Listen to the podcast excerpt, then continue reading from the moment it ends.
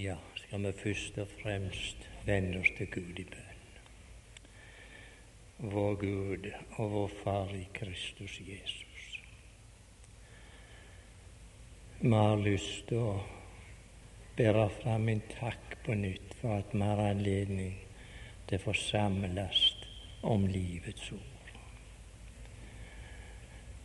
Vil du Den hellige ånd, Herre, lede oss inn til livets kilde og frisk oss opp der. Og du vet vi, vi har bruk for, for å være i din nærværelse, bort ifra alt annet. Vil du heller Satan vekke, Herre, så han ikke skal få uroe oss og øyelegge den stunden vi har innenfor ditt åsyn bringe ditt ord her inn på våre hjerter, først og fremst til ære for deg. Og jeg har lyst med salmisten å si La min munns ord og mitt hjertes tanke være til velbehag for deg, min klippe og min gjenløser. Vi sier deg takk, Herre at vi ennå en gang har anledning i denne urolige verden å forsamles og oppmuntres ved ditt, dette levende ord du har gitt oss. Vi takker deg i Jesu navn.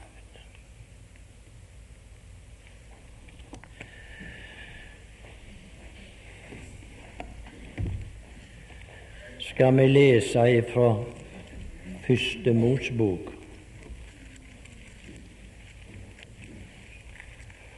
og kapittel 24. Det velkjente avsnittet vi leser der.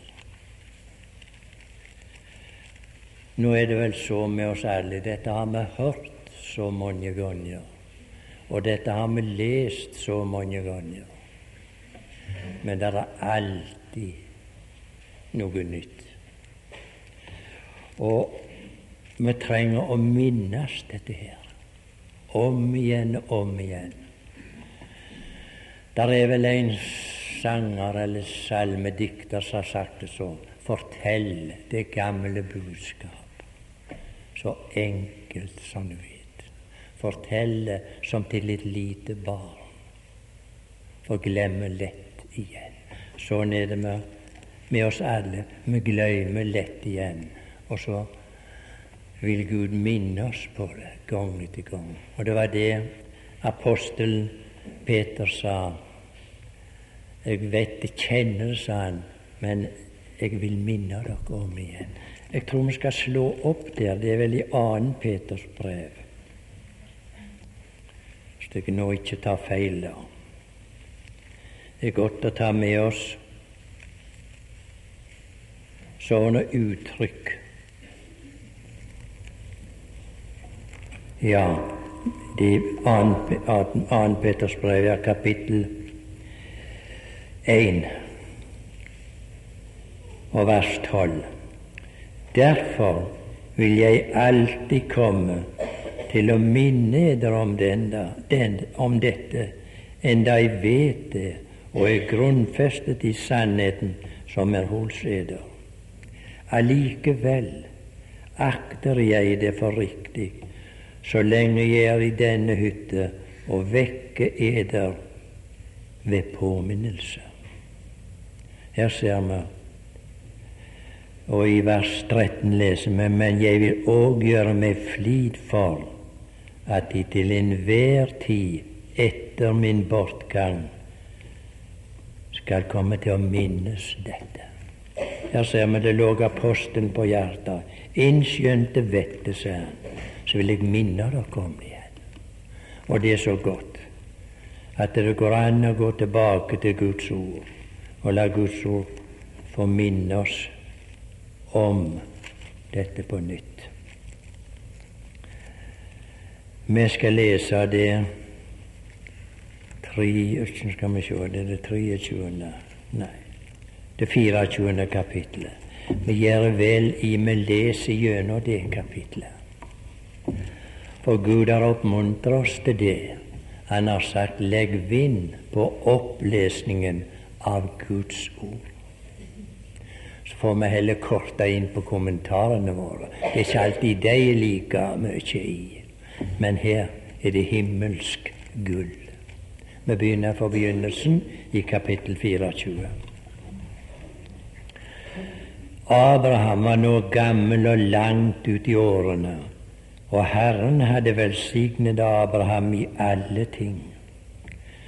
Da sa Abraham til sin tjener, han som var den eldste i hans hus, og som rådet over alt han hadde, Kjære, legg din hånd under min lend, så vil jeg la deg sverge ved, ved Herren, himmelens Gud og jordens Gud, at du ikke skal la min sønn ta seg en hustru av døtrene til kananitterfolket som jeg bor hos.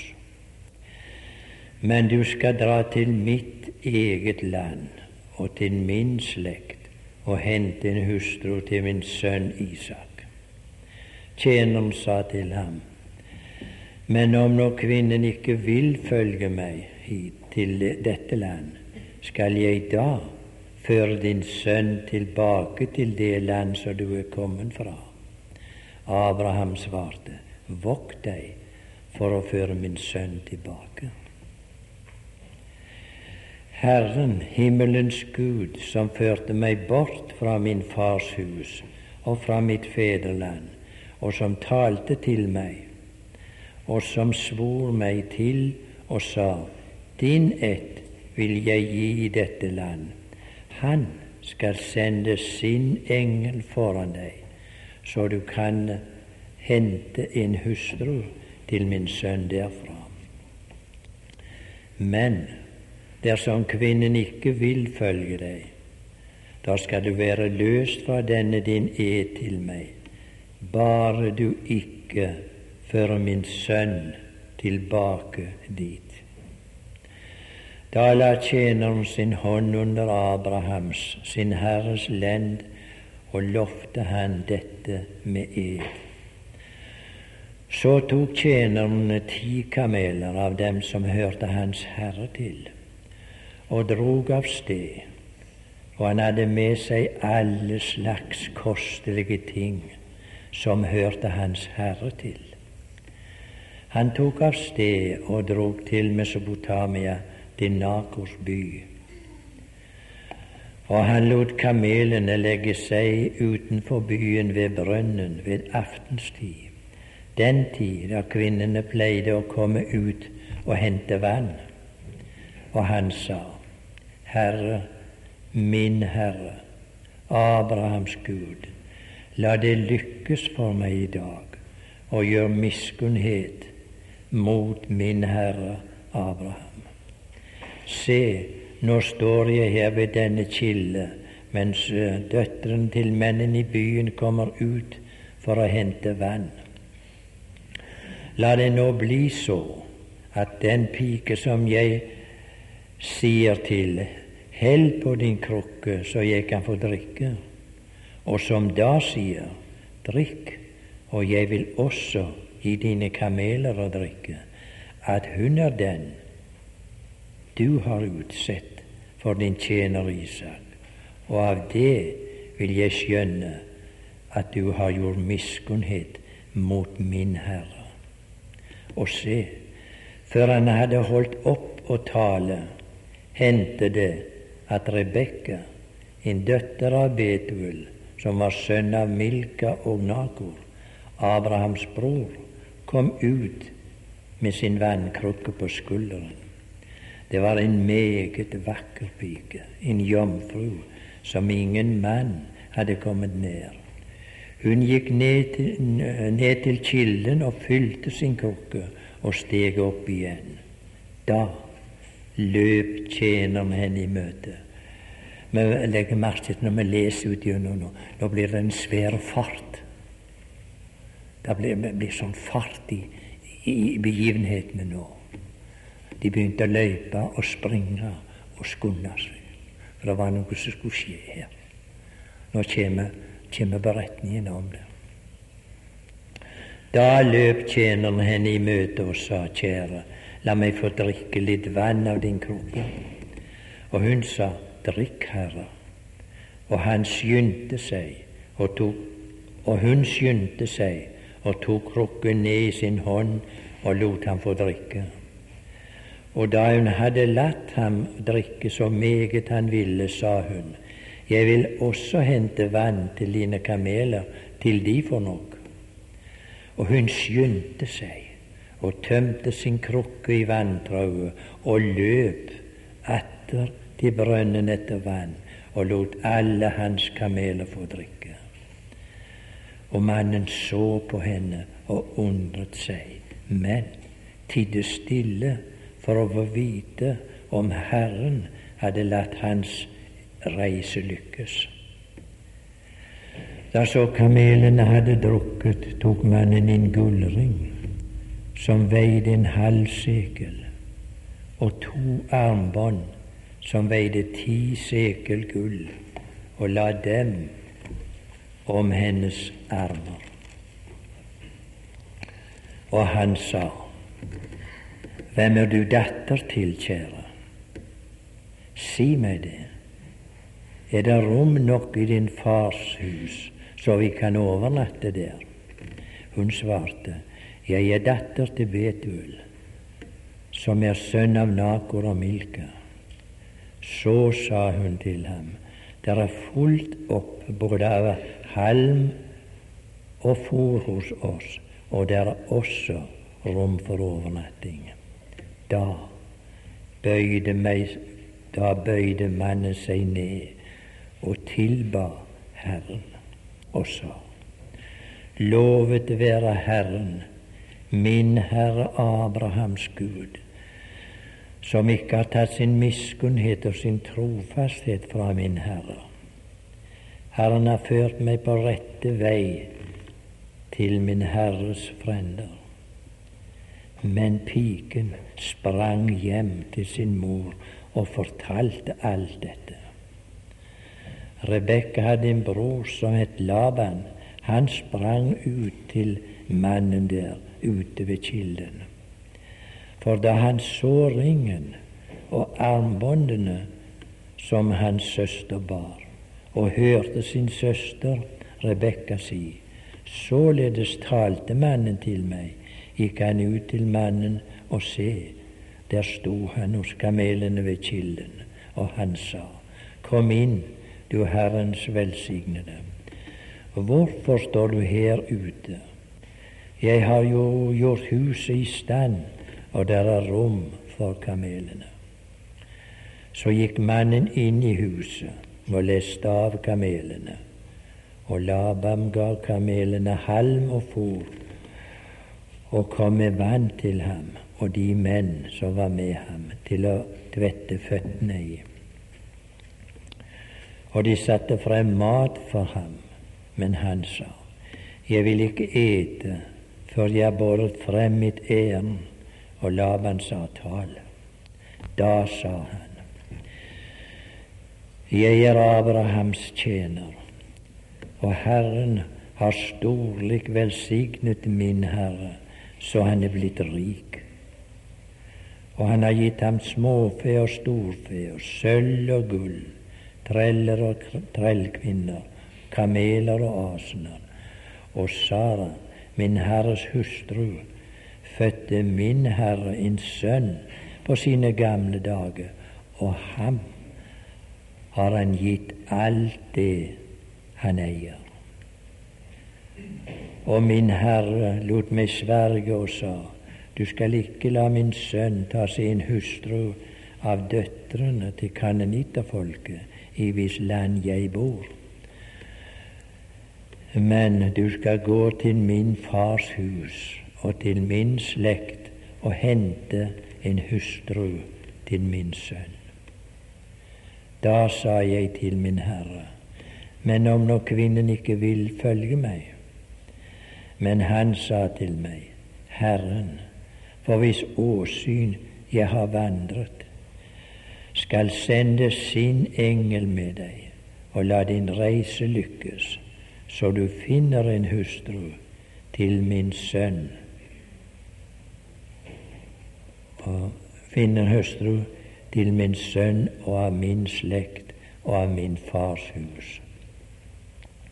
Da skal du være løst fra din ed til meg når du kommer til mitt folk, og vil ikke gi deg henne, så er det også løst fra eden til meg.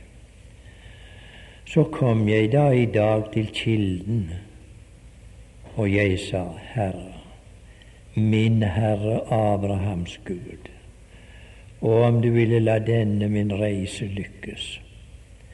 Se, nå står jeg her ved denne kilde.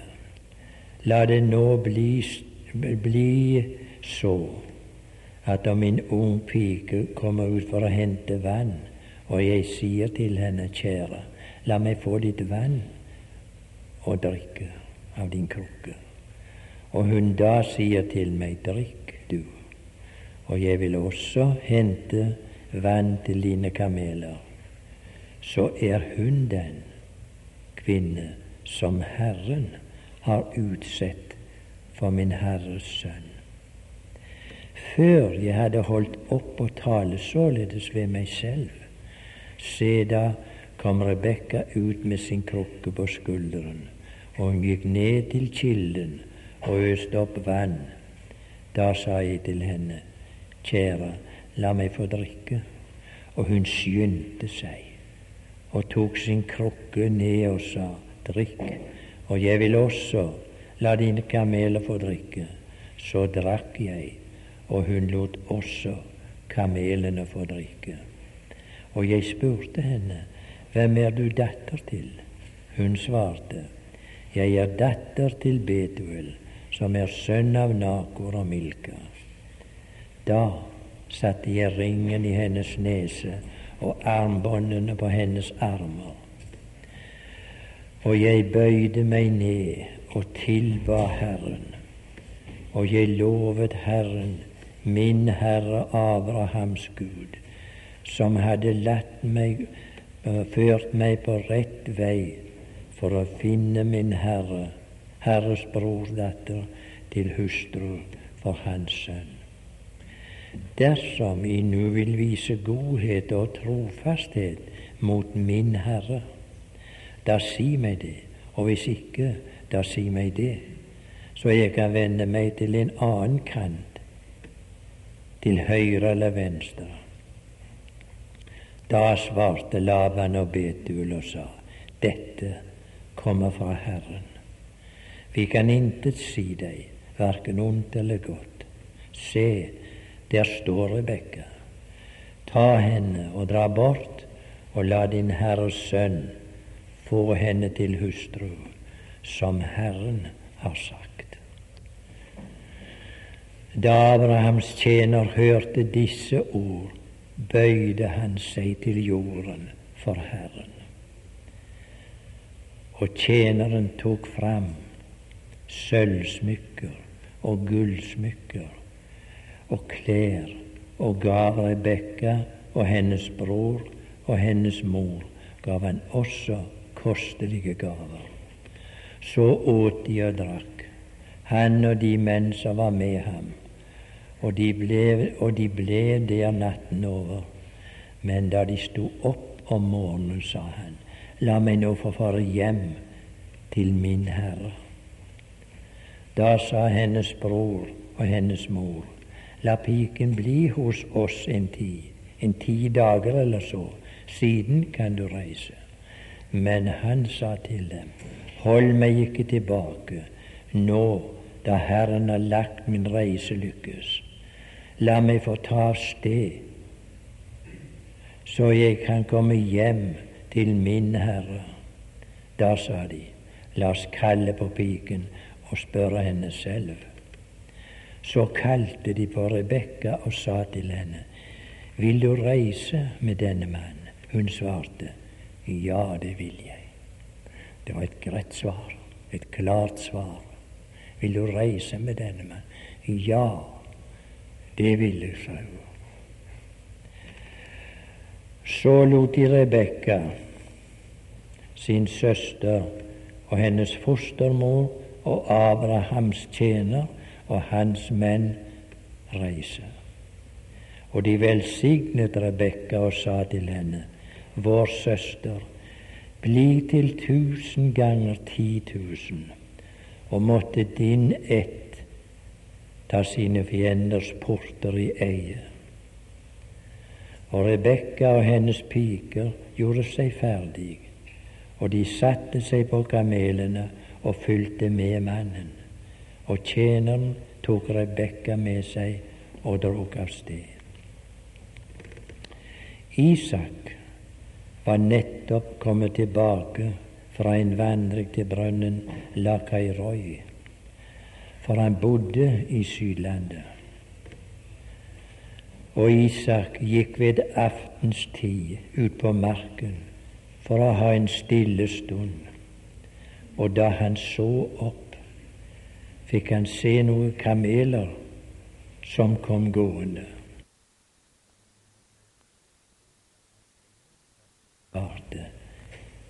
Det er min Herre.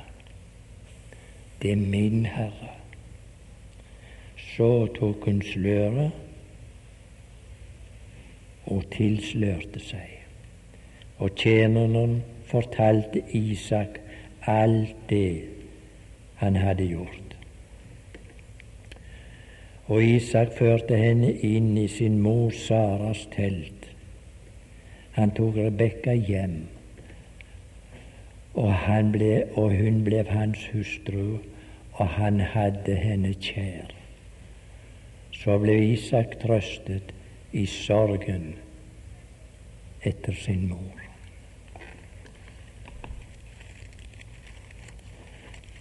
Vi hadde en gang en predikant på våre kanter da. Han lever ikke nå. Han sa alltid det når han hadde lest et stykke Guds ord. Må Gud velsigne sitt ord for oss. Må Gud velsigne sitt ord for oss. Og det er det som må til. Nå har vi lest det så mange ganger og hørt talt om det så mange ganger. Det er meg fortalte om min, om min sauehyrde som gikk ut i det skotske høyland. Han hadde vært der fra barnsbeina av. Han kunne dette her med å gjete sauene. Og han levde så vårt ensomt liv der ute i det skotske høyland. Så så han en dag en mann det var sjelden å se. Så tenkte han den mann ville gå bort og snakke med, og forundra meg på hva den mann gjør her ute. Han gikk, og han kom bort til mann. Så lå den mann på sine knær. Så lå han og kraup der i, i måsen og lynje og det gras der var. Så sa hyrden til han, er dette noe for en voksen mann som ligger her og kryper? Har du ikke noe annet å gjøre? Så var det en botaniker som lå der med sitt forstørrelsesglass. Lå han og krøp rundt. Han, botanikeren sa ingenting, men han rakte prisme til hyrden. Han kikket i det. Nei, sa han, du må bøye deg ned. Du må bøye deg ned. Og hyrden gjorde det.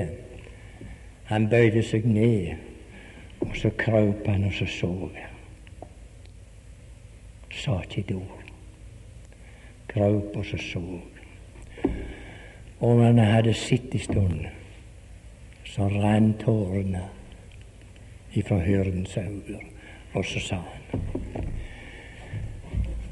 Å nei og nei, dette har jeg gått og trøtt oppi ifra barnsbein, og har aldri lagt merke til det før. Troende bror og søster. Nå er vi ute i det guddommelige høyland. Og der er vår sjels hyrde og tilsynsmann der ute. Og Den hellige ånd, han er der. Jeg vil gjerne gi deg forstørrelsesglasset, deg og meg. Men han kan ikke gi det annet til de som vil låne det. Sånn er Den hellige ånd. Og det nytter ikke bare å stå med stiv rygg. Du må bøye deg. Bøy deg ned i det guddommelige terreng. Så skal det ikke bli så mye tale, men det skal bli noe for hjertet. Og den underfulle Gud som har gitt oss alle disse beretninger i Det gamle testamentet. Hvordan er det å ha makta på det? Nå har vi gått og trutt i dette her. Jeg i et langt liv forstått så lite av det. Må det bli slik for oss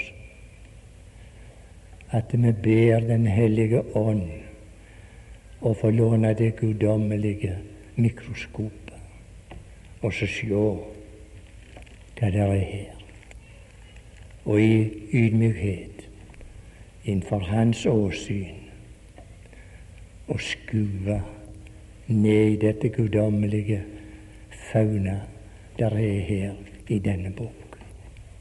Det er da først vi lærer Gud å kjenne. Vi må på Enten men du bøyer noe kne eller ikke, det får nå være så som så, men et bøtt hjerte, det må til. Så får det våge seg med den fysiske stillingen vår. Det har mindre å bety, skjønt det betyr veldig mye i andres påsyn at vi kan bøye kne for Gud. Men han som ser til hjertene, han vet hva vi har å bøye våre hjerter til i samfunn med Han. Må Gud hjelpe oss til at vi kryper jevnt ut i dette stille terrenget, bort ifra verdens larm og inn i Guds stillhet. I den guddommelige verden som her åpner seg for oss. Og når vi leser denne beretningen, så ser vi det begynner med en far og en sønn og en sønn som han elska.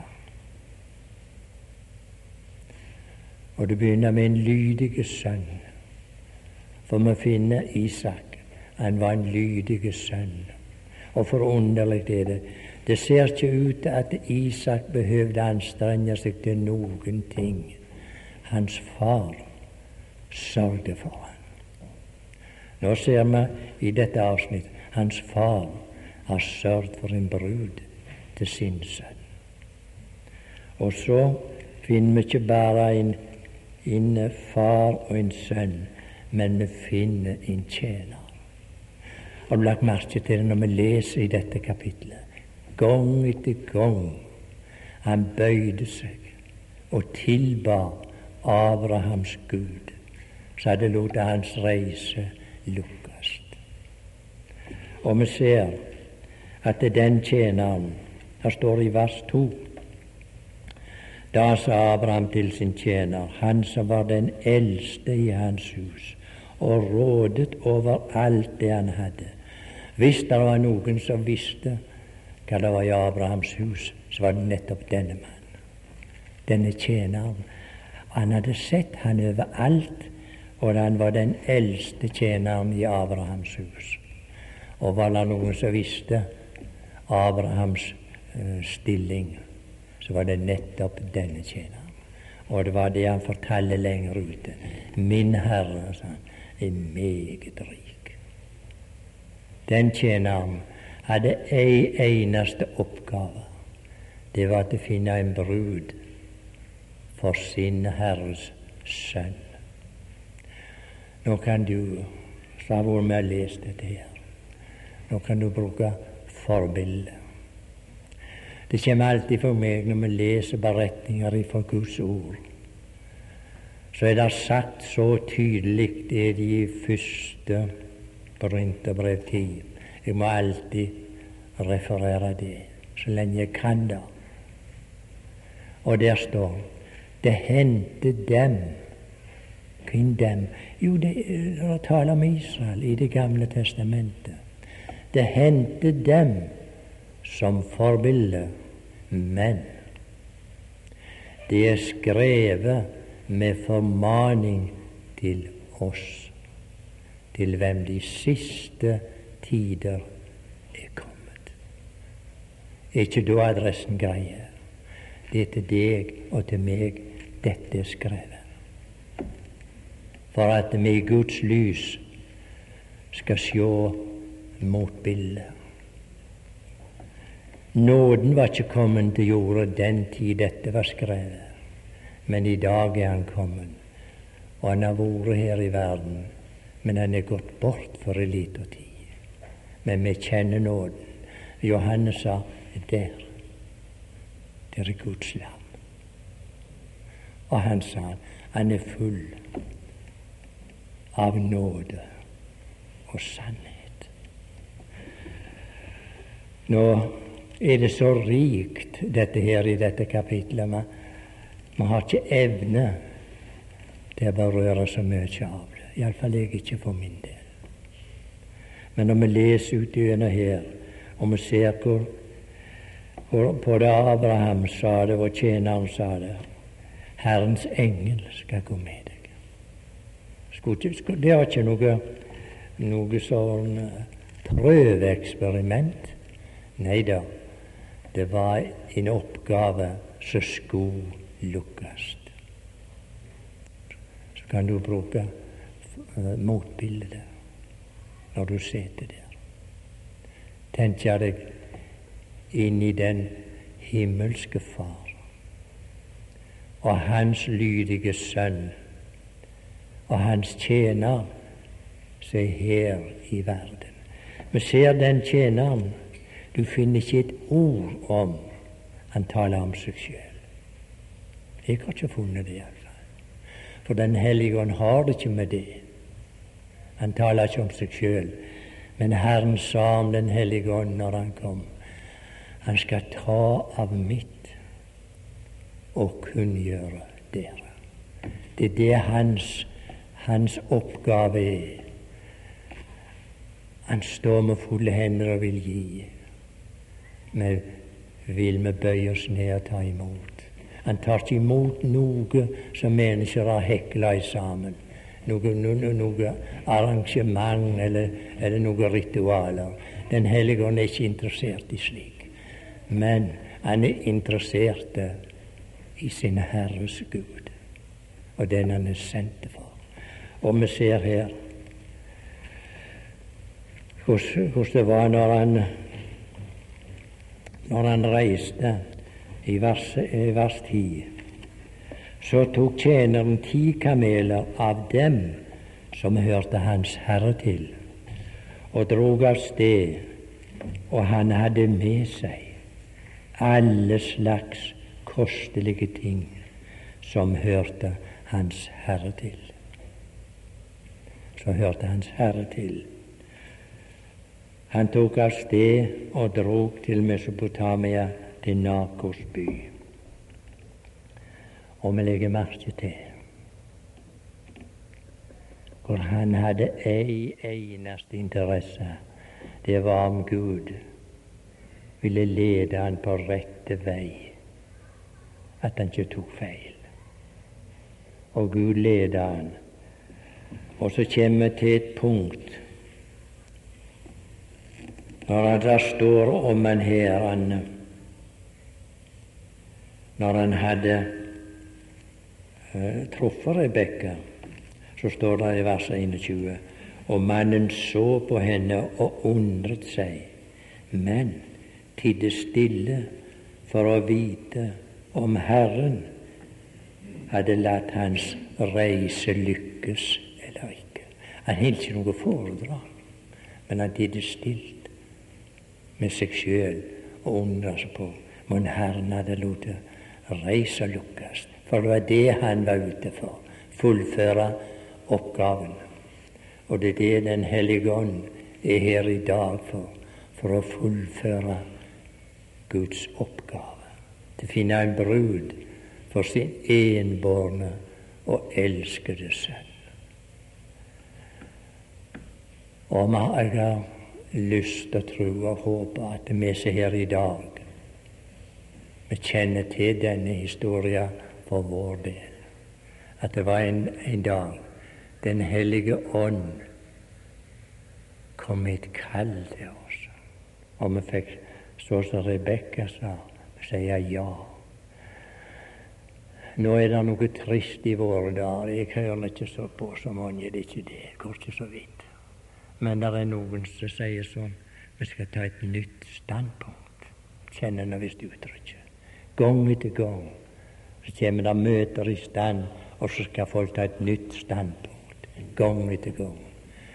Det er ikke slik Gud har det. Rebekka hun tok ett standpunkt. Noe annet er det om samfunnet vårt blir sløva underveis. Det er noe helt annet. Men vi kan ikke ta standpunkt om og om igjen om vi vil følge Herren eller ikke. I dette her så er det så bedrøvelig i våre dager. Er vi nedkjølt en liten stund, så skal du frelses på nytt.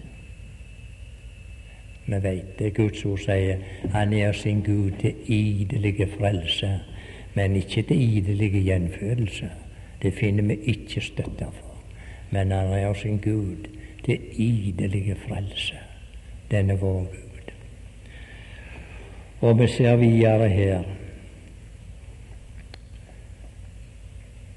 Når det står i vers 21, det var det jeg sist har leste, og mannen så på henne og undret seg, men tidde stille for å få vite om Herren hadde latt hans reise lykkes.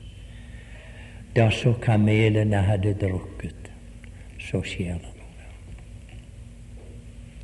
Tok mannen en gullring som veide en halv sekel ser vi hvor nøye Den hellige ånd er. Han skriver ned vekta. Det var ikke på et poff. Det himmelske gull, bror og søster, det er ikke på et poff. Herren har skrevet det ned, han. Og her har han skrevet ned dette her. Da tok man en gullring som veide en halv sekel, og to armbånd som veide ti sekel gull og la dem om hennes armer.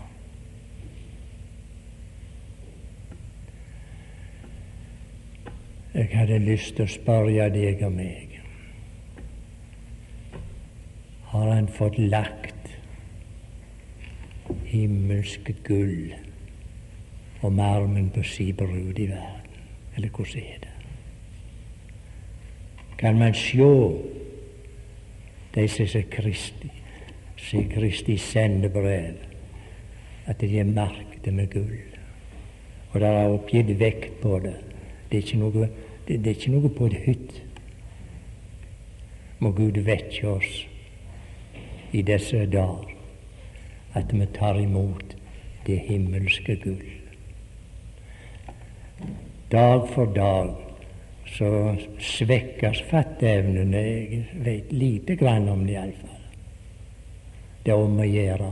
Jeg har lyst til å si til dere som er unge les Bibelen deres. Trekk dere avsides. Det er så mye sjau i verden.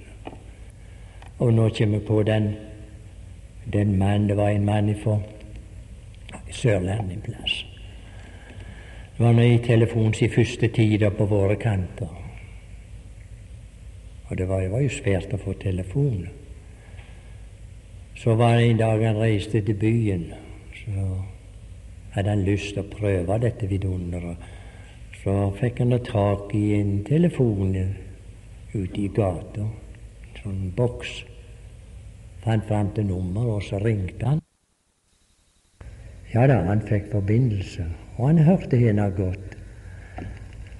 Men nei, hun hørte ikke han. Og hun forsto hva det var. Han forsto det ikke. Det var den tida det var så mye hester som gikk på disse brulagde steinene med med, med, med stålsko og, og disse kjerrene med jernhjul på. Du vet, vet ikke hvor mange av dere som har hørt det skramlet, men jeg for min del har hørt det. Så sto mannen der, men så hadde han glemt å lukte til døra. Så fikk hun rope til han 'Lukk att døra, vel, og så at jeg får høre deg'. Ja, han gjorde det, så var det i orden. Du, hvordan er det med deg? Herren har sagt gå inn i ditt lønnkammer og lukk din dør. Jeg tror det er det beste råd jeg kan gi mine medvandrere. Og vil igjen si til dere unge lukk døra etter dere. For det står oppe på glutt, så skal vi følge med disse utenfor òg. Men vi er så forvitne. Vi, vi skjønner såpass. For vi vil følge med alt. Nei, Herren vil ha oss avsides. Han sa det med sine en gang, vet du. Kom avsides med meg. På et øde sted var det. Der treffer man i dag. Der får han tale til våre hjerter. Ja, og hva vi skal stoppe for ellers ut gjennom kapittelet, det må jeg si, jeg vet ikke. Det er et hav av himmelske herlighet i dette kapitlet. Det er noe av det mest tiltalende for min del. Det er et av disse kapitlene som rommer hele Guds plan med sitt folk. Ifra en ifra evighet av utsåg seg en brud for sin sønn. Og her her leser vi gang etter gang, og det, ble så travelt. De sprang og de løp, så jeg sier det. De skyndte seg, for nå var det noe som skulle skje. Det skulle hentes en brud til Isak, og da måtte det skje noe. Og så ser vi her nede i, i La oss gå til vers 34. Når han hadde båret fram ærendet sitt, så sa han Jeg er Abrahams tjener.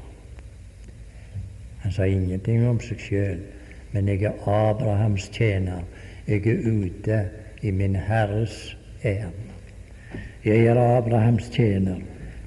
Så kommer han med en opplysning om sin Herre Abraham.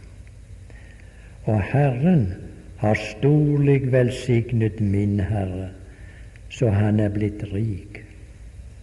Og han har gitt ham småfe og storfe og sølv og gull, treller og trellkvinner, kameler og asener. Og Sara, min Herres hustru, fødte min Herre en sønn på sine gamle dager, og han har han gitt alt det han eier. Ham har han gitt alt det han eier. Og du, for en rike brudgom Rebekka gikk i møte. Og så med Kristi brud. Er jo oppmerksom på det, at han har gitt Sønnen alt det han eier. Det står vel i neste kapittel, i vers 5.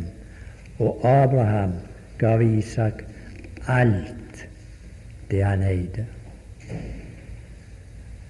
Han fikk løftet den andre sånn òg, Ismael, men han fikk ikke løftet som arving. Men han fikk sitt løfte. Men her var det sagt han gav Isak alt det han eide.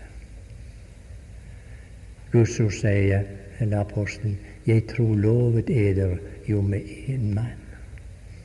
Og så sier Guds ord, hans far har gitt ham alt. Er det stort for deg å være Kristi brud? Jeg spør både deg og meg. Bør ikke svare høyt. Svar der inne. Innenfor, La meg si det innenfor Herrens åsyn. Ikke svare i hytt og vær. Men husk på at det er innenfor Herrens åsyn vi skal gi vårt svar og vår tilsagn om vi vil følge denne mann. Så vet vi, så gjentar han historien for, for Laban og for Rebekka sin mor. Han gjentok den historien opp igjen nøyaktig slik som hun refererte når han sto ved kilden. Så fikk de høre det. Og så sa Laban og Betuel sa dette, dette kommer fra Herren. Det var ikke noe som var tatt i løse lufta. Men dette kommer fra Herren. Det finner vi i vers 50. Eh, Se, sa han, der står Rebekka. Ta henne og dra bort, og la din Herres sønn få henne til hustru, som Herren har sagt. Som Herren har sagt. Da Abrahams tjener hørte disse ord, bøyde han til, seg til jorden for Herren bøyde seg til jorden for Herren. Så kommer det et, et forunderlig vers. Og tjeneren tok frem sølvsmykker og gullsmykker og klær og gav Rebekka og hennes bror og hennes mor gav han også kostelige gaver. Vi sier for et ordtak når det regner på pressen, så dryper det på klokka. Er det ikke så vi, vi pleier å si ja høyre? Her, du, der faller noe av. I den familie så der er noen som har sagt ja til Herren. Herren har noe til overs å gi deg òg. En soveren Gud vi har. Han er rik, som vi leser her. En annen plass står det om Abraham han var meget rik. Og denne rikdommen, den gikk i sporet av Rebekka sitt svar. Så fikk de jo noe, de som hun var i familie med, får vi si. Når dette var gjort, så leser vi vers 54. Så åt de og drakk han og de menn som var med ham, og de ble der om natten. Men da de sto opp om morgenen, sa han, la meg nå fare hjem til min Herre.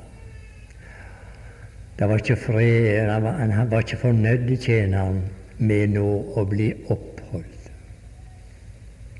Opphold meg ikke, sa han. La meg få hjem, reise hjem til min Herre og fortelle ham om utbytte. Herren har en tjener her i verden. Den guddommelige tjener som er her. Herren er fraværende nettopp nå. Men så har han sendt tjeneren sin. Han skal meddele. Han sa det til gavn for eder at jeg går bort. Og han ivra etter og få meddele de himmelske ting, de himmelske gull, det himmelske smykker. Og, og det er det han vil tale om til oss. Og hvor jevnt har vi ikke opplevd det. Man kan tale, mest som Paulus sier, med englers munn, kunstferdige ord og visdomstale. Men hvor er Den hellige ånd? Han er ikke der. Han kan ikke være der. For han interesserer seg bare for det så hører Herren det. For vi skal huske på han er Guds ambassadør her i verden. Og vi vet det, en ambassadør han er ute for å representere sitt land. Han er sendt av et land til å ha sitt kontor i et annet land. Og han er ikke sendt for å prate om seg sjøl. Nei da. Hvis det var en norsk ambassadør, så er hans eneste oppgave det landet han har reist ut for å representere. Det dårlige framferd av en ambassadør å tale om andre ting enn om sitt hjemland. Og det er det Den hellige ånd gjør. Han vil bare tale om sitt heimland. Han snakker aldri om seg sjøl. Men min Herre, det er det han er ute for å fortelle. Så vet vi hvordan det er i våre damer. Vi klager, ikke sant? Vi er så tort iblant oss, det ene med det andre. Og vi vet så lite om himmelen, sier vi. Ja, ja. Vi vet lite i grunnen, la ambassadøren få tale. Skal du høre hva han har å fortelle om det vidunderlige land som han kommer ifra. Og det ville være løye, ikke sant, hvis det kom en mann fra et annet land og tok bostad i deg. Med Den hellige ånd, han bor i våre hjerter. Hvis det kom en fremmed en mann fra et annet land, og han ikke sa noe om himlandet sitt Aldri sa noe om himlandet. Jeg ville bli overgitt. Jeg ville. Men La han bare få tale, skal du høre hva han har å si om himlandet sitt, om sin Herre. Da taler han så han kan fylle våre hjerter så det renner over. Og det er det kanskje galt med oss. Vi er så taletrengte innenfor Guds åsyn.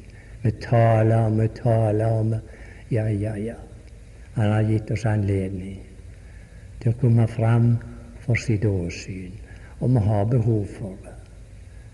Men du, det er en som vil trøste, og som vil tale og bringe oss bud ifra den evige verden. Må Gud gi at vi lar Han få tale litt mer, så kan vi hele tida. Så kan Han fylle hjertet sitt hode. Og så kan vi tale med en annen om disse velsigna himmelske ting, så bare Den hellige ånd kan forklare. Det står et, et, et forunderlig ord seinere her i avslutningen av, av uh, kapitlet. Men så kommer det spørsmålet vil du reise med denne mann. Hun svarte ja, det vil jeg var ikke noe, noe tvilende eller noe seigt svar her. Et friskt, avgjort svar. Hva tror du som gjorde det? Tjeneren hadde fortalt om det. Ja, og svarte et frimodig ja. Et glad ja, ser det ut til.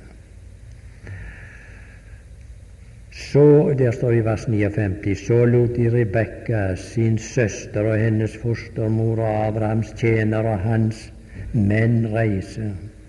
Og de velsignet Rebekka og sa til henne, vår søster, bli til tusen ganger ti tusen, og måtte de nett ta sine fienders porter i eie. Og Rebekka og hennes piker gjorde seg ferdige og de satte seg på kamelene og fulgte med mannen. Og tjeneren tok Rebekka med seg og drog av sted.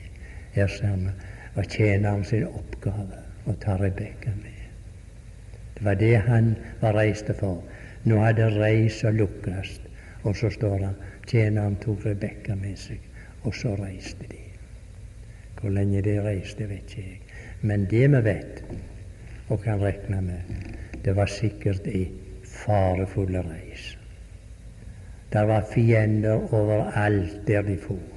Det var udyr, ja, hva det ikke var. Hva det var, det veit ikke jeg. Men vi veit det. Det er forbundet med, med farer. Men du, nå tjener vi der. Faren er der, de. Men det er en som vokter bruden underveis. Så leser vi videre.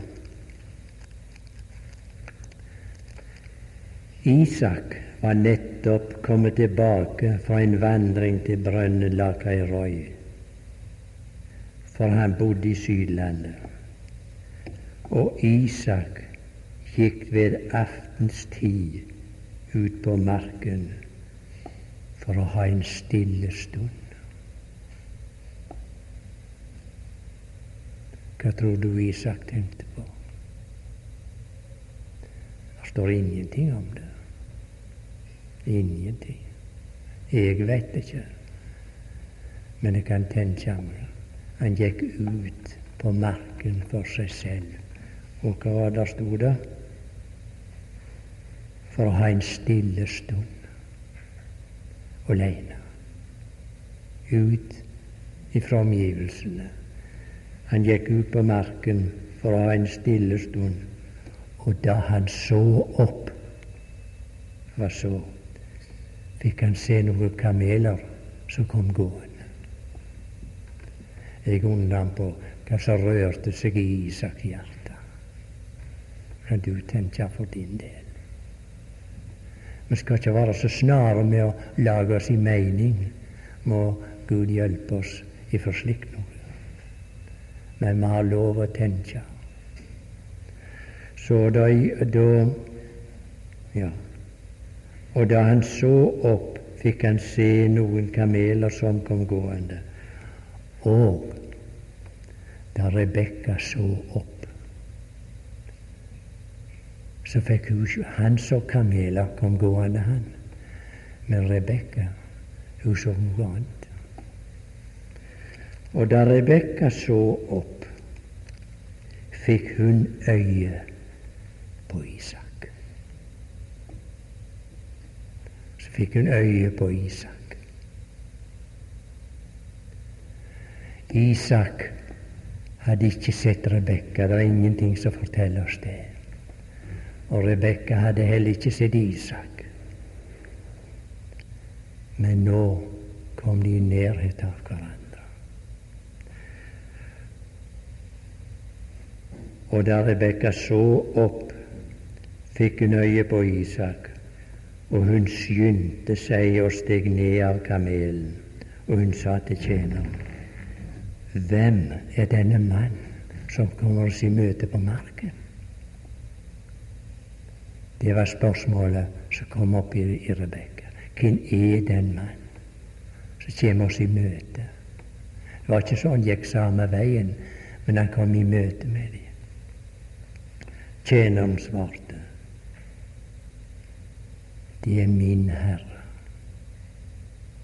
Det er min Herre. Så tok hun sløret og tilhyllet seg, og tjeneren fortalte Isak alt det han hadde gjort. Alt det han hadde gjort. Hva tror du han talte med, med, med hva tror du tjeneren talte med Isak om? Har lov å tenke over det. Jeg for min del, jeg tror han snakket om reisa. Bruden.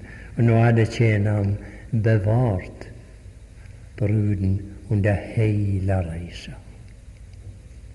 Og det var tjenerens ønske levere bruden uskadd. Bevarte ifra farer underveis. Du, der kommer en dag når Den hellige ånd, som der står ikke profeten, skal slutte eders tog. Når han skal levere Kristi brud, så han har vært her og vunnet og fått et ja, så skal han levere henne. Og her står Og tjeneren fortalte Isak om alt det han hadde gjort. Ja, alvorlige ting å tenke på. Og godt for våre hjerter at det kommer en dag når den himmelske tjener skal overlevere Kristi brud. Det er ikke noe eksperiment Herren driver med i våre dager, at det kanskje kan Kanskje kommer han fram av bruden, og kanskje ikke. Og du tenker for en fiasko da Golgata måtte bli hvis Kristi brud ikke skulle nå fram. Vel er farer i verden, og ingen av oss vil undervurdere det. Og vi har en listige Satan som går. Alt det der er så sant, så sant. Men la oss ikke glemme Herrens tjener. Han sa tatt på seg å finne en brud for Guds sønn. Han skal fullføre verket, vær sikker.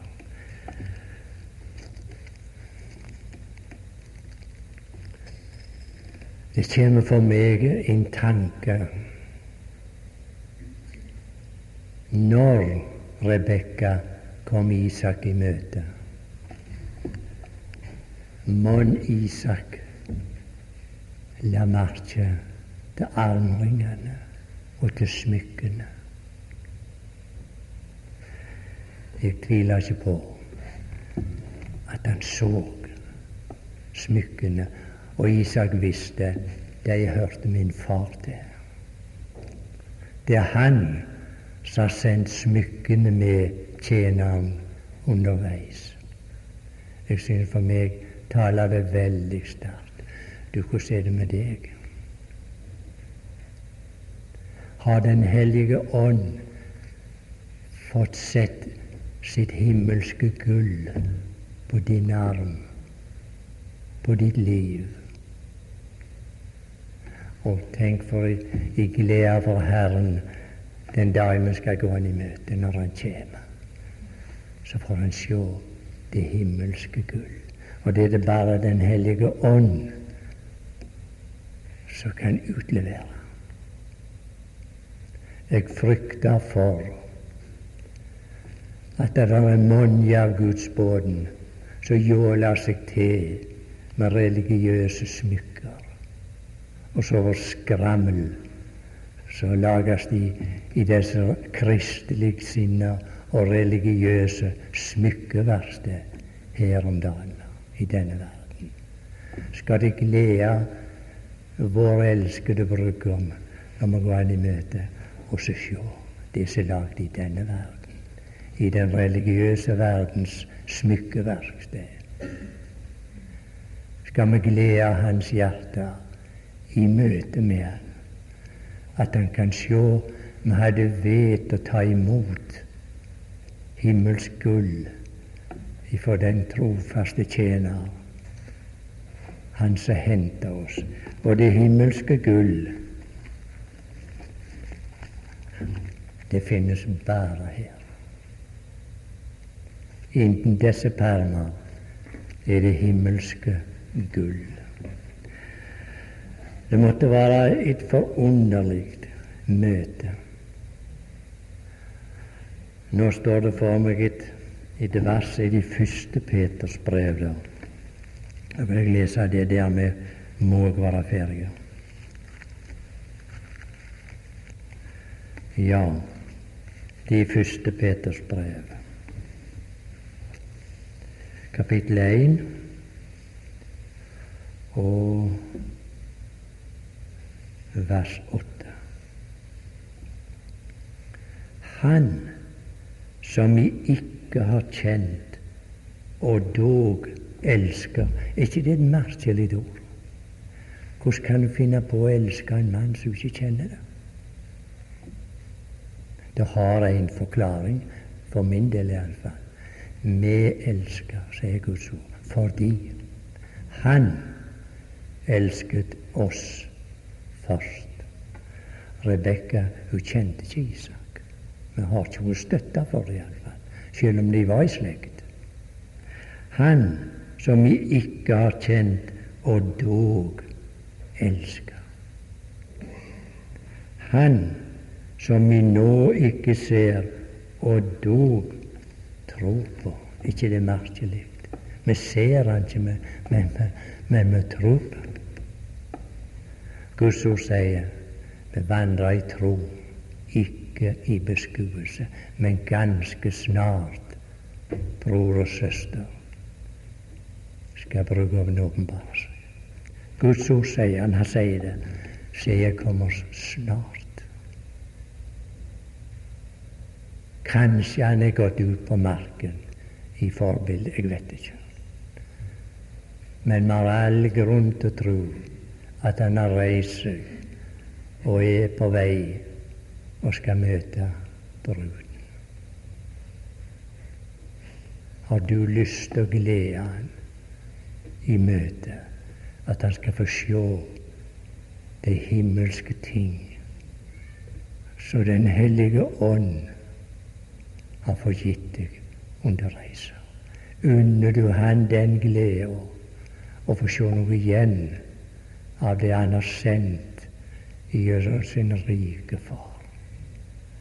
Jeg spør mitt hjerte, altså, for du svarer for deg. Men husk endelig på, ikke svar i hytte og vær. Gå inn for Guds åsyn, for det er der det gjelder. Både spørsmål og svar. Ikke, ikke om preikestol. Det er ikke alltid like rart som kommer derifra.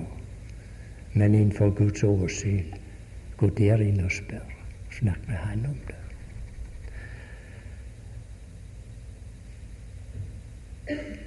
Dagen nærmer seg, søster og bror. Når våre øyne skal se Kongen i Hans skjønnhet. Og det står i Guds ord etter når Han åpenbares. Ikke før. Men hva da? Hva skal da skje? Jo, det står der. Når Han åpenbares, da skal vi åpenbares med Ham i herlighet. Tenk for en framtid vi har. Må Gud gi oss at vi ikke grør så fast i denne verden. At Han får vende våre hjerter og vårt sinn imot himmelen vårt. Det er bare så kort en tid, så kommer han. Det må bli en forunderlig dag. Når dette kalde og trege hjertet skal se Kongen i Hans skjønnhet. Da skal vi utbryte, og da skal hjertet Ja, hva skal vi si da? Det må bli henrykt over å sjå den brudgommen som vant våre hjerter mens vi var her. Og da skal vi være opptatt i all evighet bare med Han. Bare med Han. For det er ikke noe annet. Tenk om vi kom til himmelen og ikke Han var der. Vi kunne reist tilbake igjen. Det er ikke noe for våre hjerter da men brudgommen. La oss ikke glemme prisen han har betalt for sin brud. Da for evig blir går det i oppfyllelse. Da skal vi være i Hans nærværelse. Da skal det gå som det står i det er vel i Tessalonika-brevet. Når Han kommer, står så skal de døde i Kristus først oppstå. De skal så visst ikke bli glemte. De skal først få se han deg. Og så står det skal vi sammen med dem rykkes i skyer opp i luften for å møte Herren. Skal vi møte den himmelske Isak. Og da skal han bli trøsta der står han skal bli trøsta etter sin mor.